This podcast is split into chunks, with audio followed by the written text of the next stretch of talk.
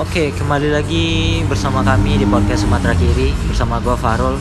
dan gua Doko Oke, eh, kemarin eh, baru-baru ini kita mendengar berita di bahwa di Sukar eh, di Bandara Soekarno Hatta eh, lagi apa ya rapid test. rapid test Terus Em, ada dari apa namanya petugas rapid test yang eh, berbuat tidak senonoh kepada em, penumpang yang ingin rapid test gitu. ya, dan ini bukan pertama kali kasus seperti ini, udah banyak. Kemarin juga ada di eh, polisi ya, Ya oknum kepolisian. Oknum polisi. Yang ada di Kalimantan kalau nggak salah. Dia juga em, dia saat dia melakukan penilangan eh, dan ke, dia menilang anak SMP dan anak SMP itu nggak bisa bayar.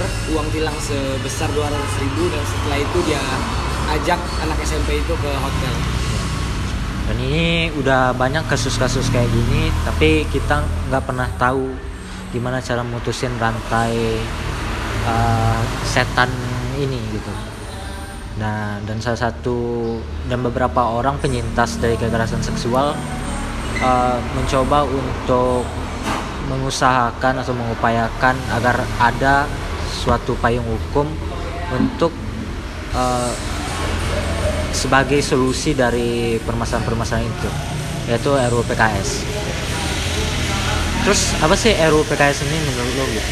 Kenapa sih penting untuk ada gitu?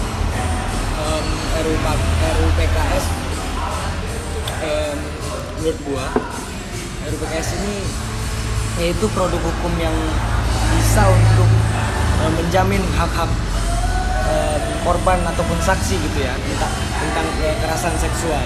Dan latar belakangnya RUU PKS ini diciptakan kan juga atas naiknya tingkat kekerasan kejahatan atau kekerasan seksual yang terjadi di Indonesia selama kurang lebih 12 tahun lah. Dari tahun 2008 sampai 2019 datanya kira-kira naik sampai 780 persen kurang lebih hampir 800 persen kenaikan em, kejahatan eh, tindak eh, kekerasan seksual gitu ya dan um, gua pentingnya RUU PKS ini untuk disahkan ya untuk mengurangi gitu dan memberikan rasa aman kepada kita semua sebagai masyarakat Indonesia dan terkhusus pada uh, Oh. teman-teman kita wanita-wanita Indonesia gitu yang sering kali menjadi korban. Ya. Tapi kan dok, kan eh, banyak juga orang bilang bahwa kan udah ada aturan hukumnya, ada di KUHP gitu. Terus kenapa sih harus ada RUU PKS ini? Apa Eh. bedanya sama pasal-pasal yang diatur dalam KUHP? Itu pasal berapa sih? Di Yang di KUHP, KUHP di KUHP kalau nggak salah gua ada di tentang tindak pidana pencabulan, tentang zina dan perkosaan dan lain-lain. Terus kenapa harus ada gitu? RUU PKS kenapa harus ada? Em, kenapa RUU PKS harus ada? Mungkin kita refleksi ya. Kita kita ulas balik lagi tentang kasus yang pernah terjadi sebelumnya. Eh, menurut gua tentang kegagalan hukum Indonesia gitu. Ada kekosongan eh, payung hukum di Indonesia.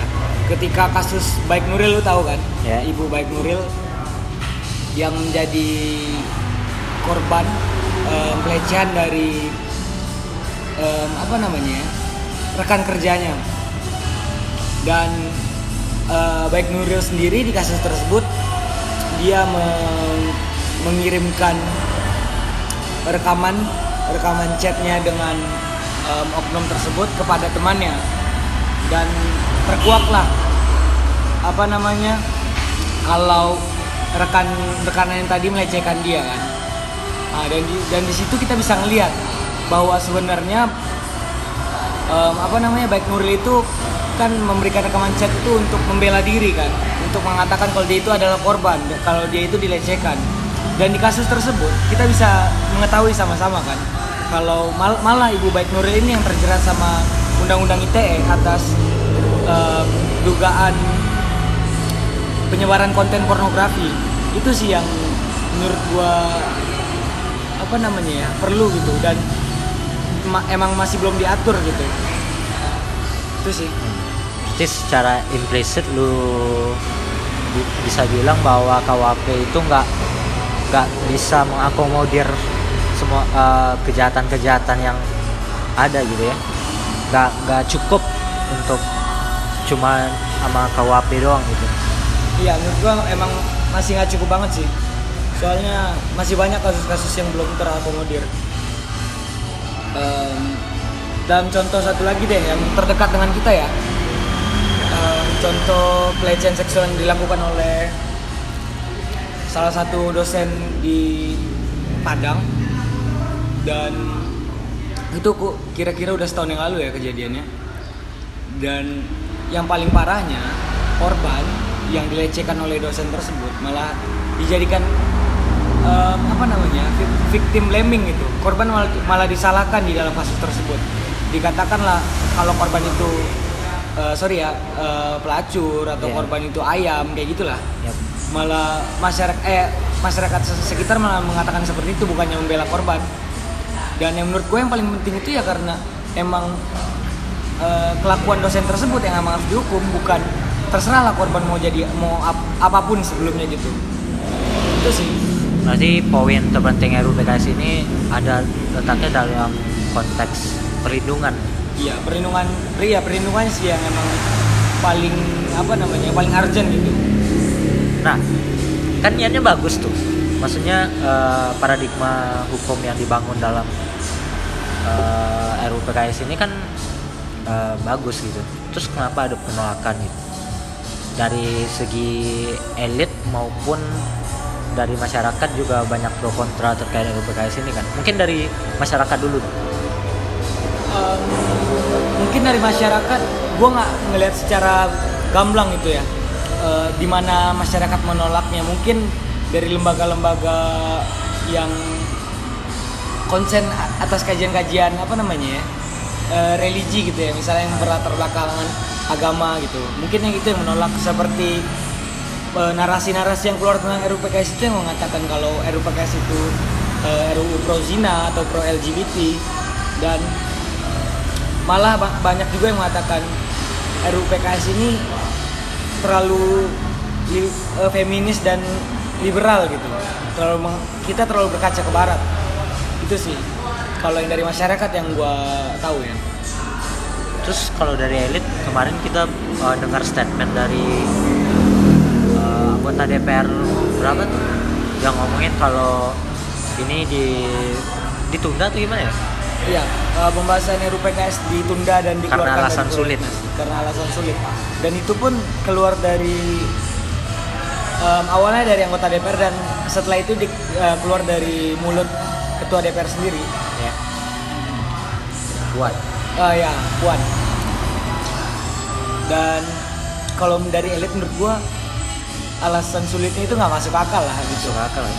Eh, menurut gua kan tadi kita kita kan udah bahas kalau RUU PKS ini emang urgent emang penting gitu dan di sini kelihatan gitu kalau misalkan em, lembaga legislatif kita itu emang kayaknya eh, emang belum belum mau untuk mengesahkan ini atau atau ada yang di ada produk hukum yang lain ditar, ditargetkan gitu itu sih gua Padahal apa ya?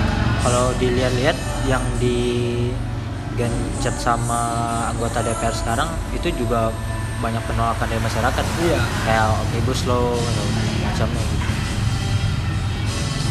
ya itu sih para em, pemerintah masih belum ada keinginannya buat mengesahkan RUU ini dan terlepas lah dari apa pro kontranya kan?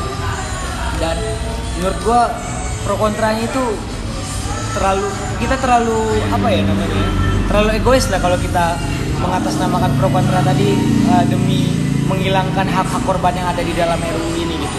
Jadi kalau misalkan kita teru- terus membahas dan apa namanya ya nggak nggak serius dalam dalam membahas ini gitu jadi masih bakal banyak lagi terjadi ke depannya em, kasus-kasus tentang kekerasan atau kejahatan seksual ini Ah, nah sekarang gue mau kesampingin dulu soal RUU PKS nih. Kita ngomongin soal pelecehan seksualnya secara umum gitu. kan uh, uh, gue mau ngomongin soal gimana pandangan masyarakat terkait korban pelecehan seksual gitu menurut gue kan dalam sistem dalam sistem hukum pun juga ada budaya hukum gitu. Terus kita ngelihat gimana masyarakat kita memandang korban pelecehan seksual. Kayak yang lu bilang tadi bahwa uh, cewek yang nggak baik-baik atau segala macam. Terus itu gimana tuh menurut lu cara menuntaskan budaya sus budaya seperti itu? Um, oke. okay.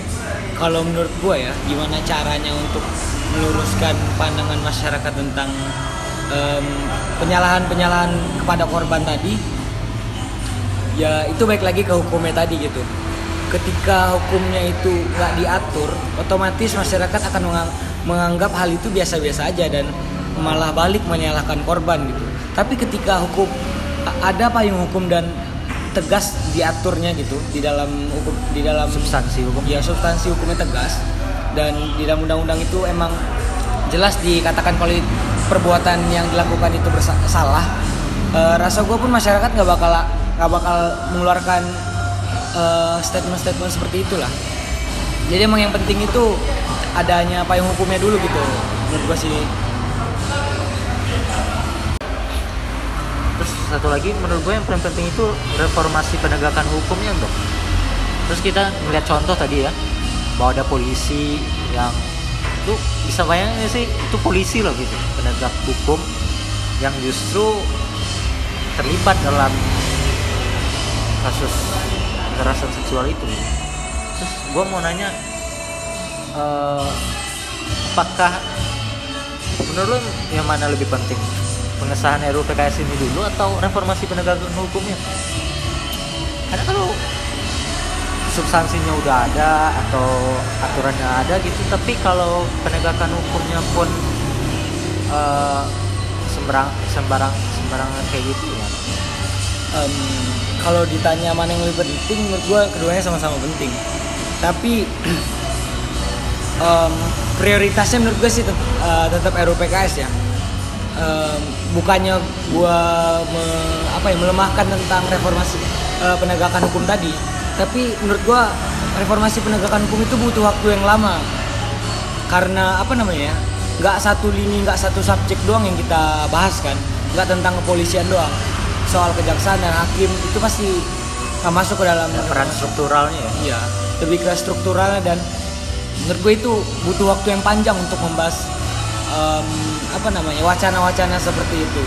Dan setidaknya seti, setidaknya ketika RUU PKS ini udah disahkan kita kita udah kita lebih merasa aman gitu terhadap uh, kejahatan-kejahatan yang yang sedang maraknya akhir-akhir ini. Jadi kita nggak terlalu jadi kita dan teman-teman uh, kita nggak terlalu takut gitu. Kalau misalkan ingin keluar malam dan lain-lain seperti itulah ini mungkin terakhir ya apa pesan lu sama mungkin masyarakat atau terkhusus teman-teman kita juga gitu yang masih menolak RUU PKS ini um, oke okay. mungkin buat um, semua teman-teman di luar sana yang masih menolak uh, terkait rancangan undang-undang penghapusan kekerasan seksual ini saran gua buat kalian kawan-kawan jangan terlalu egois lah dengan um, beberapa pasal yang masih kawan-kawan permasalahkan gitu. Demi menghilangkan substansi hukumnya RUU PKS tadi itu tentang hak-hak korban dan tentang aturan-aturan hukum yang belum pernah dia, belum belum diatur sebelumnya di, di KUHP gitu kan. So menurut gua um, kalau misalkan kita mempermasalahkan itu terus um, itu bakal menjadi hambatan yang besar sih. Dan juga kalau misalkan undang-undang ini eh, er, rancangan undang-undang ini telah disahkan kita masih bisa kok untuk menguji materinya materialnya ke MK gitu teman-teman. Dan um, itu aja sih. Menurut gue dangkal sekali ya kalau misalnya menolak RUU ini secara keseluruhan hanya karena beberapa pasal yang bermasalah. Iya. Dan secara implisit ya kita kalau menolak RUU PKS ini sama aja uh, melanggengkan status quo yang yang terjadi gitu. Ya. Uh, itu sih saran gua ke kawan ke teman-teman yang di luar sana. Ya. Ya mungkin itu dulu podcast kali ini. Sampai jumpa di podcast selanjutnya. Ciao